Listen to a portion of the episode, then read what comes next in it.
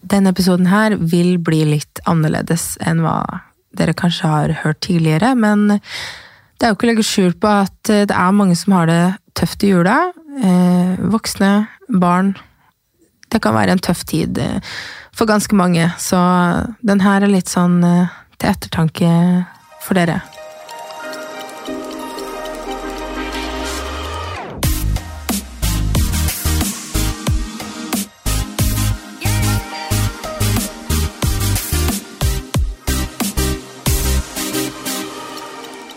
Anna. Hei, Iris. Kjekt å se deg. Så kjekt å se deg òg. Så fint at du klarte å komme deg til Oslo. Ikke sant? ikke sant? Jeg syns jeg er ganske imponerende med å mikse og trikse og få det til. Ja, det syns jeg òg. Heldigvis er jeg privilegert nok til å bo her. Som den kvalmsekken.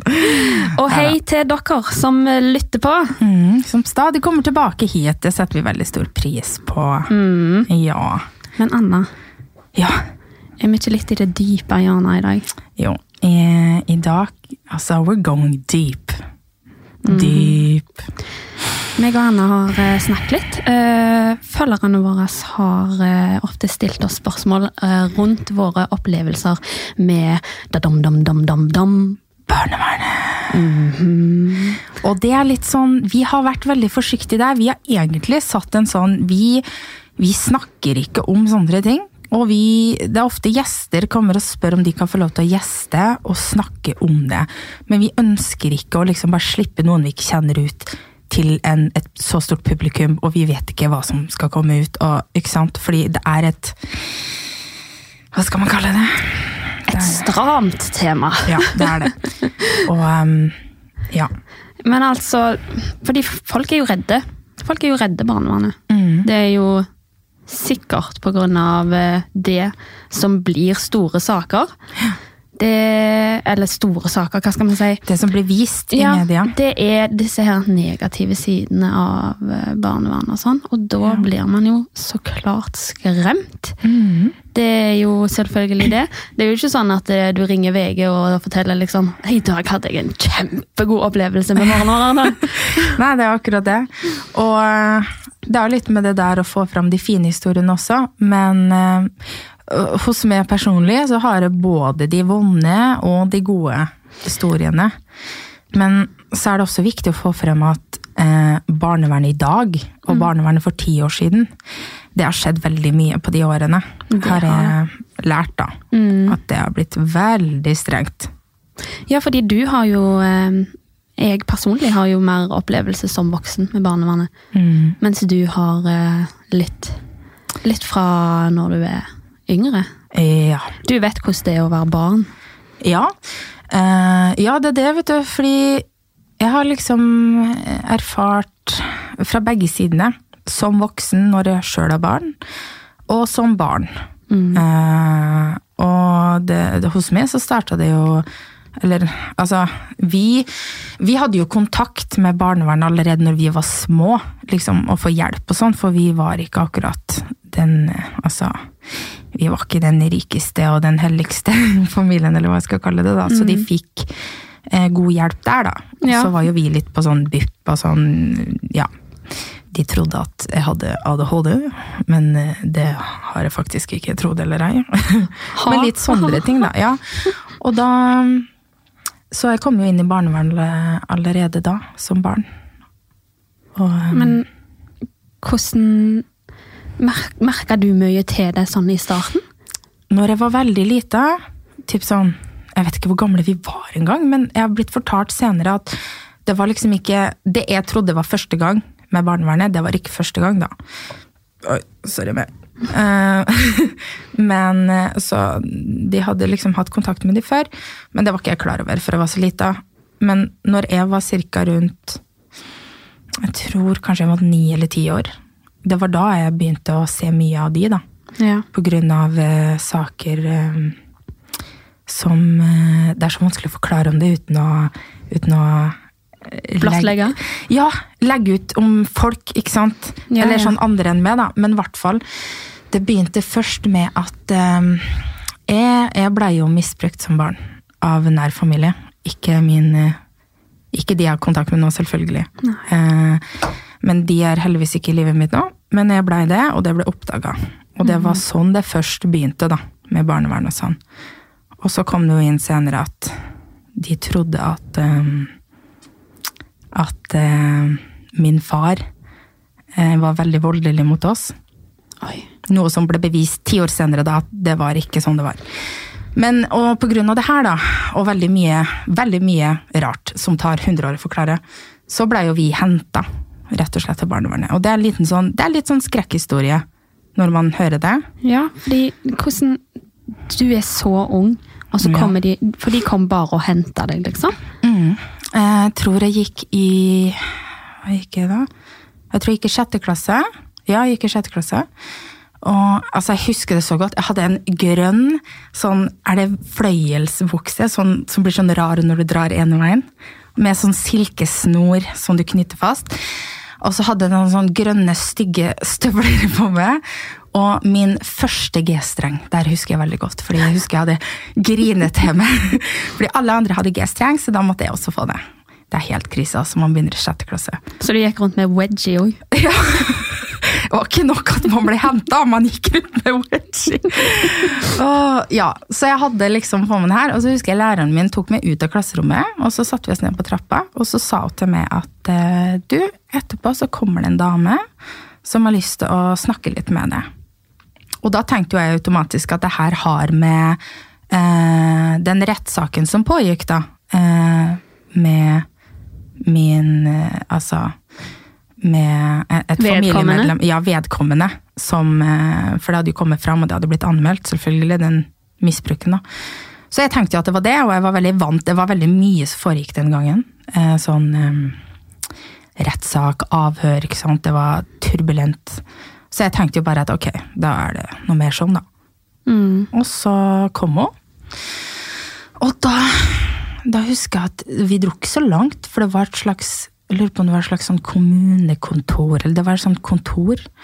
Og så husker jeg kom inn dit, og da satt min storebror der. Han er to år eldre enn meg. Eller så var det sånn at jeg satt der, og så kom han inn. Jeg husker ikke, men det var en av delene. Og så husker jeg han var veldig rolig, eh, og liksom prøvde å trøste meg. Mens jeg var veldig, jeg blei hysterisk til slutt. fordi det som var var at vi kom dit, og så fortalte de oss at ehm, eh, lillebror har blitt henta, for han gikk jo på en annen skole. Vi gikk på tre forskjellige skoler. Pappa var hos politiet, og de spurte liksom rett ut om eh, pappa hadde slått oss og sånn. Og at vi ikke kunne tilbake dit nå, så vi skulle bort en helg, da. Og den helga endte jo opp med mange år. Oi. Ja, så det er akkurat min type historie. Den, det er jo sånn typisk, det er den maks uheldige, da, vil jeg si. Det er ikke sånt som skjer hver dag. Vent litt, så du, så du trodde at du skulle komme tilbake til helga? Ja. Um, eh, vi fikk beskjed om at vi skulle bort en helg. Eh, jeg vet ikke om det var en slags måte å trøste oss på. Men jeg blei jo krakylsk, jeg nekta jo å bli med. Men det måtte jo bare. Så vi blei jo kjørt til noe, altså noe som heter beredskapshjem. Det er jo et hjem hvor de tar inn til sånn nød. Sånn som Ja. de det- mente jo Er det da det er en familie, da, eller er det en sånn felles eh, bofellesskap? Nei, det var en familie. Ja. Vi kom til en plass hvor det var, det var en ganske stor familie. Mm. Det var mor, far, de bodde på en svær bondegård med masse dyr og bringebær, liksom, og åker. Og så hadde de både eh, små barn og store barn. Og det som var da, var at jeg og min storebror, vi dro dit sammen. Mens min lillebror ble jo flytta en helt annen plass. Mm. Så det har jo liksom Ja. Du tatt. hadde foretrukket å være samla? Ja, ja, selvfølgelig. I sånne situasjoner så prøver de nok alltid å samle. Men jeg kan jo Altså, tre søsken, jeg veit ikke. Men det, altså, det å splitte en sånn søskenflokk i en så sår situasjon, Ja, ja. det må jo være ganske tøft, i hvert fall for den minste, da. Mm. Så vi blei flytta til et sånt beredskapshjem, og da tenkte vi at det skulle være en helg, da. Og det tok jo lang tid før vi fikk beskjed om at eh, det var ikke bare en helg. Det tok jo faktisk et år før vi fikk se pappa. Vi bodde jo på hemmelig adresse. Oi, Mm, det var såpass? det var såpass. De, de trodde at han var eh, livsfarlig. De gjorde det. På en måte, hvis de faktisk trodde det, så kan man jo på en måte forstå det. Men eh, det er jo veldig dumt at det Ja. Fordi det som er, er at Det er så vanskelig å forklare, men eh, de to Det var noen, noen bekymringsmeldinger inni der ikke sant, som gjør at vi ble tatt.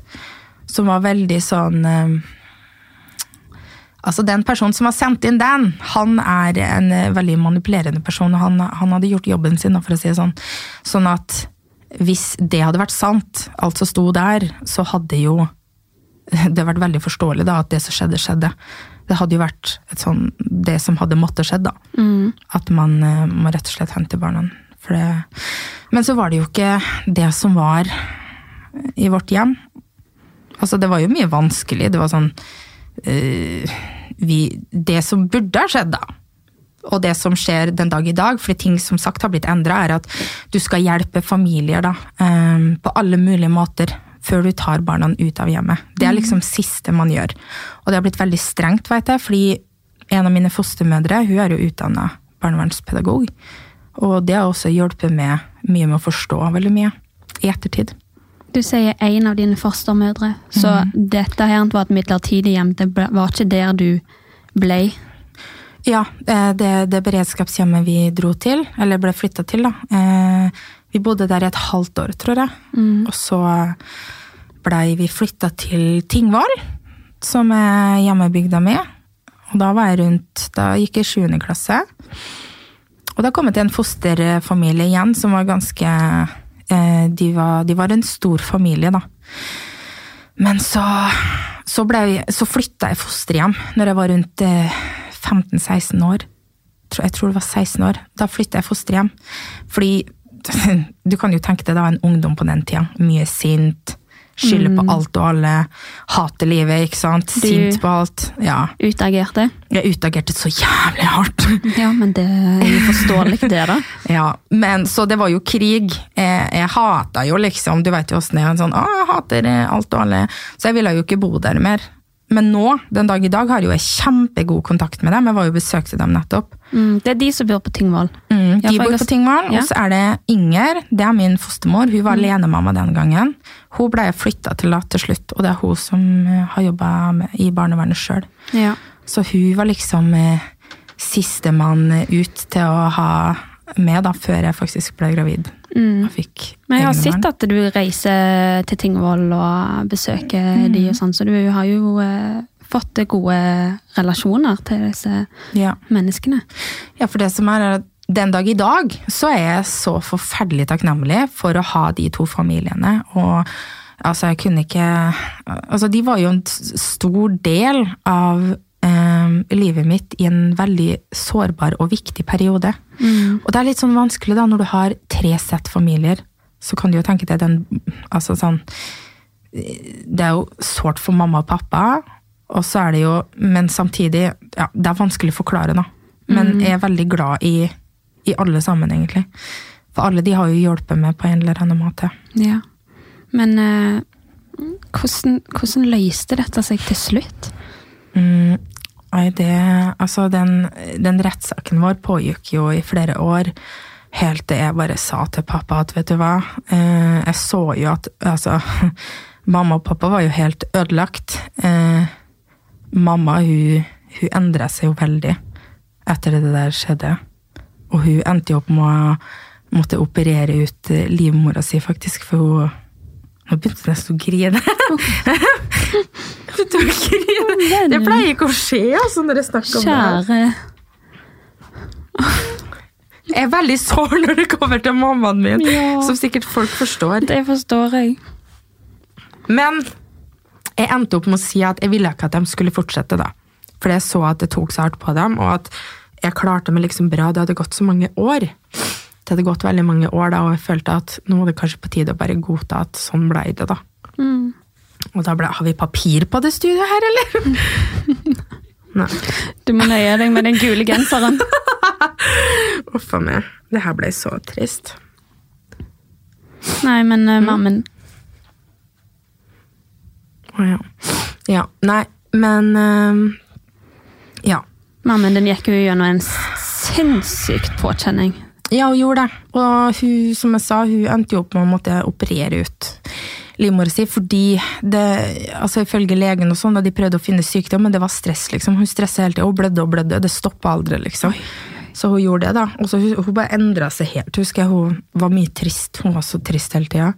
For hun um, Og da sa jeg liksom nå er det nok, nå, nå må vi bare Nå bor jeg her, og så er jeg snart 18 uansett, og så Ja. Men det har liksom Det er så vanskelig å forklare hele greia. Vi kan jo egentlig bare prøve å se det for oss. Vi vet ikke hvordan det er, men Ja.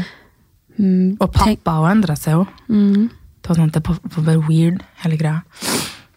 For det Ja. Det er babyene dine, det er ungene dine du Altså Se for deg det. Og så liksom, flere år senere, da, så kommer det frem at ok, det her var ikke sant, vi hadde ikke grunnlag likevel til å ta dere ut, men da var det jo litt for seint. Så det blir også feil å si at jeg skulle ønske det aldri hadde skjedd, fordi, fordi at det skjedde, så um, så blei jo jeg kjent med de jeg kjente. ikke sant? Jeg møtte Dennis, jeg fikk mine barn fordi at jeg bodde på Tingvoll. Jeg møtte de familiene jeg har. Så når folk spør meg f.eks. sånn ja, skulle du ønske at det aldri skjedde, da? Så blir det vanskelig for meg å svare på det. Fordi ja, selvfølgelig. Jeg skulle helst unnsluppe all den eh, Altså, alle mine ungdomsår da gikk jo på sinne og rettssaker og avhør. Eh, Men samtidig så kunne jeg heller på en måte ikke vært foruten, for det er jo det som har hjulpet meg til å forme den jeg er i dag, da.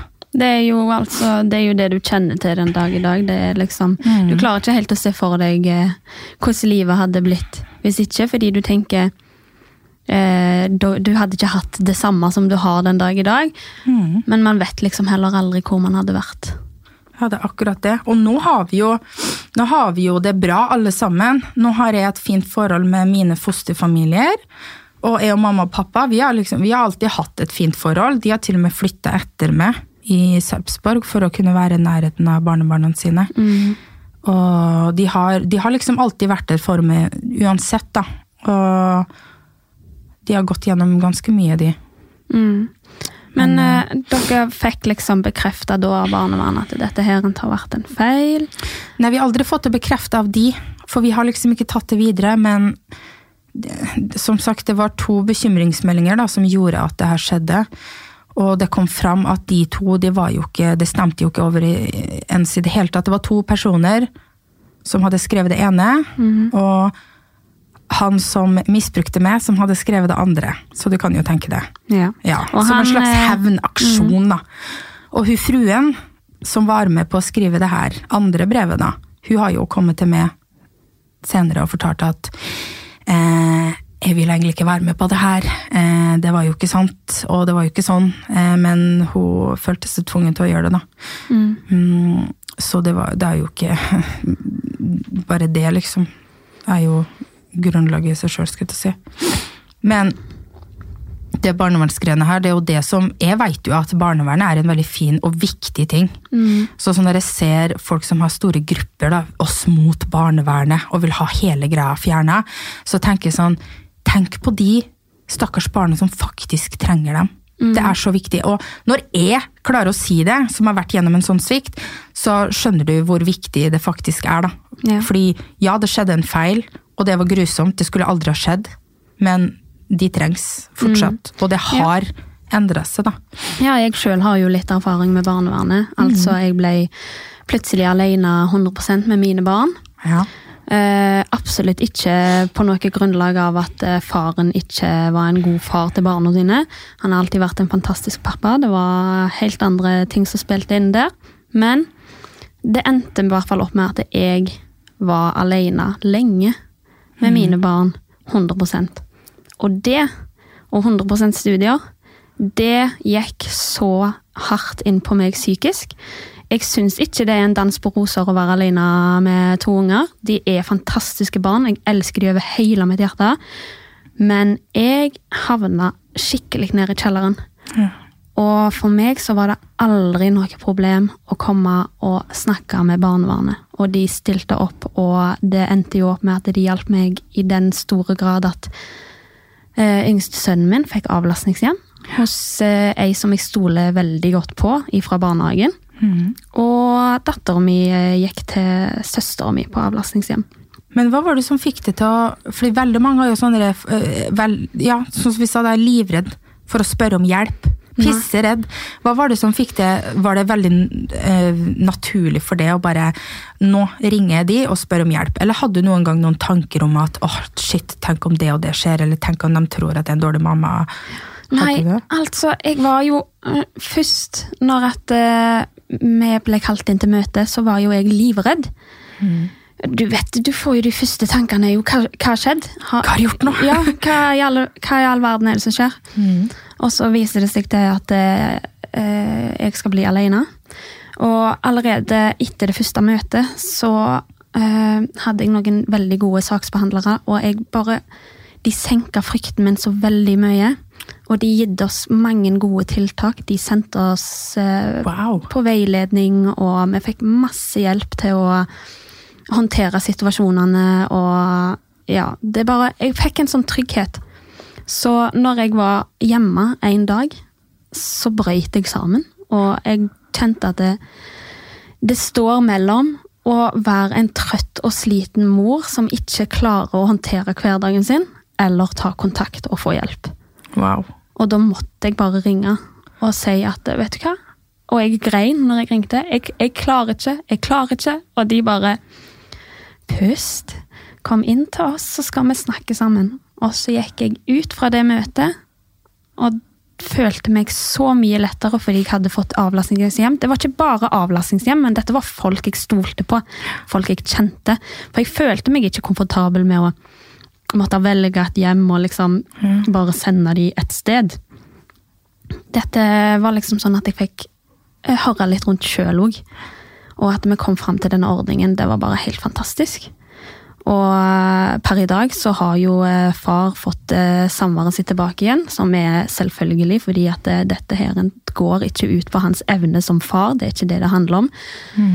Og, men den perioden der jeg var 100% alene, jeg hadde aldri klart å fullføre studiene mine uten hjelp fra de, eller i det hele tatt bare smilt i hverdagen, for jeg trenger Du er litt som et batteri, altså.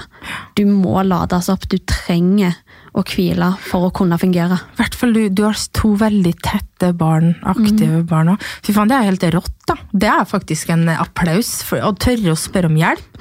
Det er Mange tenker at ah, Men det er vanskelig, altså. Å tørre det. å spørre om hjelp. Det og er, barnevernet eh, setter pris på det. De ser når du kommer til de.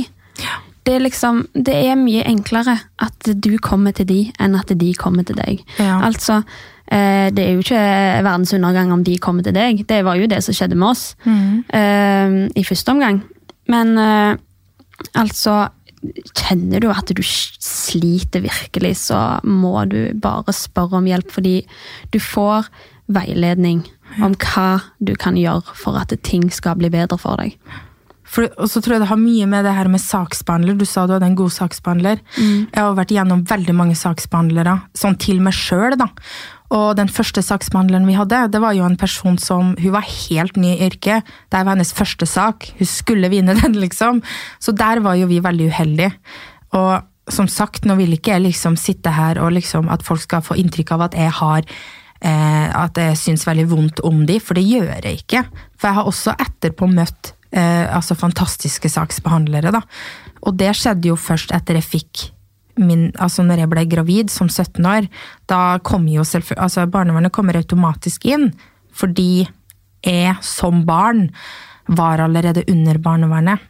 Sånn at når jeg da blir gravid, så begynner jo de ikke sant, sånn Ok, eh, er du klar for det her? Eh, Er du voksen nok? Hvordan skal vi løse det her? Eh, men ja. Ja, sånn hvor gammel var du når du var gravid?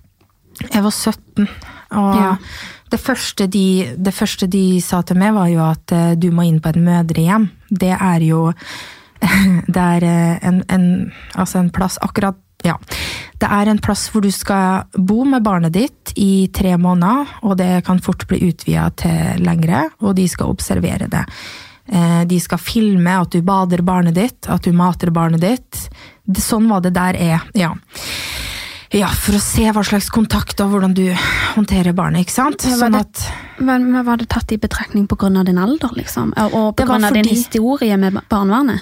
Ja. eh, De, de jeg snakka med da, mente at fordi jeg ikke hadde de beste forutsetningene i livet mitt som barn sjøl, så er det vanlig at man kanskje ikke er Altså får de beste evnene som mor. Eh, altså, jeg mener ikke det, men det fikk jeg beskjed om da. Og da var det sånn automatisk at de begynner å sette i gang tiltak der. Og de mente at jeg skulle inn der, hvis det ikke kunne det ende opp med at de tok mitt barn, da. Fordi, eh, ja. Men på den tida her møtte jo jeg Dennis òg. Eh, og han eh, henta jo eh, egenskaper og styrker. Som, altså fra meg, da, som jeg aldri trodde jeg hadde. Og jeg kjente liksom Og bare det å være gravid Jeg vokste Jeg vokste ja, han gjorde det. Og, men jeg vokste mye på den graviditeten, og jeg, besøkte jo det mødrehjemmet, og jeg så at det her er ikke noe for meg. Jeg kommer ikke til å klare å være den mammaen jeg ønsker å være, hvis jeg vet at noen puster meg i nakken hele tida. Så jeg sa at vet du hva, tok, tak tok kontakt med en advokat, og fant ut at de har ingen rettigheter til å liksom skulle skremme meg til å gå inn på et mødrehjem og si at de skal ta mitt barn etterpå. Eh, Så jeg sto på mitt og sa at det skjer faktisk ikke. Jeg er fullt eh, komfortabel med og har full tro i at jeg kommer til å klare det her. Eh, Så eh, jeg fødte jo mitt barn. Eh, Første blomsteren jeg fikk, det var fra barnevernet på sykehuset. Så nervene begynte jo allerede der. Og, og de, de ønska da å ha sånn månedlige besøk eh, hvor de kom hjem til meg og observerte meg og barn. da. Og det sa jeg greit, liksom. Du vil jo ikke Jeg ville liksom Da, da begynte den sånn som Vilde snakka om å være ung mor tidligere. Eh, om at når du er ung mor, så føler du at du må prestere ekstra. Og det følte jeg da. At ok, jeg kan ikke gjøre en feil som noen andre hadde gjort, og det hadde vært greit, hvis du skjønner. Eh, fordi det var sånn, jeg satt og følte helt at jeg kan gjøre ingenting gærent. Alt må være perfekt. Hvis ikke så går det rett til helvete, og de tar ungen min. Og på grunn av det her, da. Altså, det var jo en kjempefantastisk saksbehandler jeg hadde. Hun var så hyggelig, og vi hadde en god tone, og jeg syntes jo det var veldig hyggelig med de besøkene. Helt til hun sa sjøl faktisk at vet du hva, jeg ser ikke noe vits i at jeg kommer hit eh, noe mer, fordi det er ikke noe, det er liksom bortkasta ressurs. Da. Det, det, er ikke noe, det er ikke noe for oss å gjøre her. Og det var jo sånn jeg avslutta det òg. Men, eh, men på grunn av det her, så har jo jeg fått og utvikla, eller hva jeg skal kalle det, den angsten her. Det er en sånn reell, ekte angst jeg har eh, mot barnevernet. Selv om jeg er veldig glad for at de finnes der, så har jeg fått en sånn skikkelig angst for dem. Det er sånn, hvis jeg kjefter på mitt barn, hever stemmen min, så tenker jeg at oh, wow, nå hørte naboen det, og så tenker de at jeg slår i hjel ungen min, og så kommer barnevernet på døra. Jeg Ja. overtenker ting sånn, da, og det har jeg blitt så skada av. Jeg har snakka så mange ganger med min fostermor, som da er, jeg har jobba i barnevernet, og fortalt henne det her at vet du hva, altså jeg, jeg overtenker, og jeg tenker på det her hele tida, og det, det skal jo ikke gå an til å holde på sånn. Ja, men sånn er det jo. Du får jo, altså når du har hatt så mye med det å gjøre opp gjennom hele livet ditt, og de opplevelsene du har, så tenker jeg at det egentlig det er eh, beklagelig, men eh, en naturlig reaksjon du har, da. Ja, Men det er sant, eh, sant, det er jo bra at barnevernet er så føre var, og at de er på plass. For jeg skjønner, det er jo mange som kan synes faktisk at mødrehjem det er noe jeg kanskje trenger. Ja, det er akkurat det. Det handler om hvem, hvem det er, da. For noen kan få veldig godt utbytte av det. Altså, eh, som Tenk på 14-åringer da, som får barn. Enda mindre igjen. De kanskje faktisk trenger det her. Og, altså, nå skal ikke jeg liksom si at fordi du er 14, så er du en dårligere Det er ikke sånn jeg mener, men det fins de som faktisk har lyst på den veiledninga, og da er det jo kjempefint. Ja. Men for akkurat meg så kjente jeg at det her blir ikke riktig på noen som helst måte. Og fordi Først så hadde jo jeg sagt ja, greit, liksom. Men så gikk jeg og så det her med mine egne øyne, fordi du kunne besøke, og da kjente jeg at alle celler i kroppen sa løp! Ja. For uh, mødrehjem, det er vel ikke Det er ikke sånn at det er kun for eh, unge mødre. Det er jo et tilbud òg som uh, gjelder for folk som har slitt med rus. Eh, veldig absolutt. masse eh, kanskje mer eh, sterke psykiske hindringer. Så Og da er det jo fantastisk at Ja. de har det tilbudet som gjør at mor og barn fortsatt kan være sammen, da, istedenfor å bare ta barnet. Så det er jo kjempeflott, men da må man se også at er det her noe for meg eller ikke? Vet du hva jeg syns? I en ideal verden for meg, så hadde det vært veldig fint Altså, dette har jeg tenkt på sant, når jeg dusjer og koser meg. Eh, Kose deg. Ja, At du blir født, og så har du en sånn eh, chip eller et eller annet i kroppen din som gjør at du er liksom du kan ikke få barn, og så må du ta et kurs for å få fjerna den chipen som gjør at ja, vet du hva, du, du er good to go, nå kan du begynne å produsere, vær så god. Å, fy søren! Det er faktisk ikke en dårlig idé. Fremtiden, Iris, Bare sånn, 101. tenk hvor mye vi berger da. Ja, Ja, ok, så hvis det er noen forskere så hører jeg på, eh, bare begynne å ja det bare å begynne å mikse og trikse med det der eh, glasset deres, og puff, så har du en eh, formel. Fy fader, ass. Men da- Det så bra. Anne, Ja. Eh, beklagelig, altså. Eh, at folk må dessverre gå gjennom eh, piss og lort. Ja, Men sånn er eh, vi er takknemlige for den gode ba eh, jobben barnevernet faktisk gjør. Ja, det er sant. Og så vil jeg også legge til at hvis noe sånt har skjedd, så er det alltids hjelp å få hos en advokat. Man kan liksom man kan faktisk eh, forhøre seg og høre om er det noe feil som har skjedd her eller ikke. Og, ja. eh, så ja, det var dritt. Det var en maks uheldig situasjon. Eh, men ikke se på det her som en sånn å nei, enda en skrekkhistorie. Altså, det er jo en skrekkhistorie, men også se på det som at ok, hvis jeg klarer å se at barnevernet trengs her, prøv å se det du òg. Fordi de trengs. Og det har blitt, det er, det er ikke mange som veit det. Mange har bare hørt de skrekkhistoriene fra, gammelt av. men Det har skjedd endringer på disse ti årene da, som jeg opplevde. Det har skjedd mye endringer. Tusen takk, Anna. Ja, takk Iris. Så ses vi neste uke. Det gjør vi.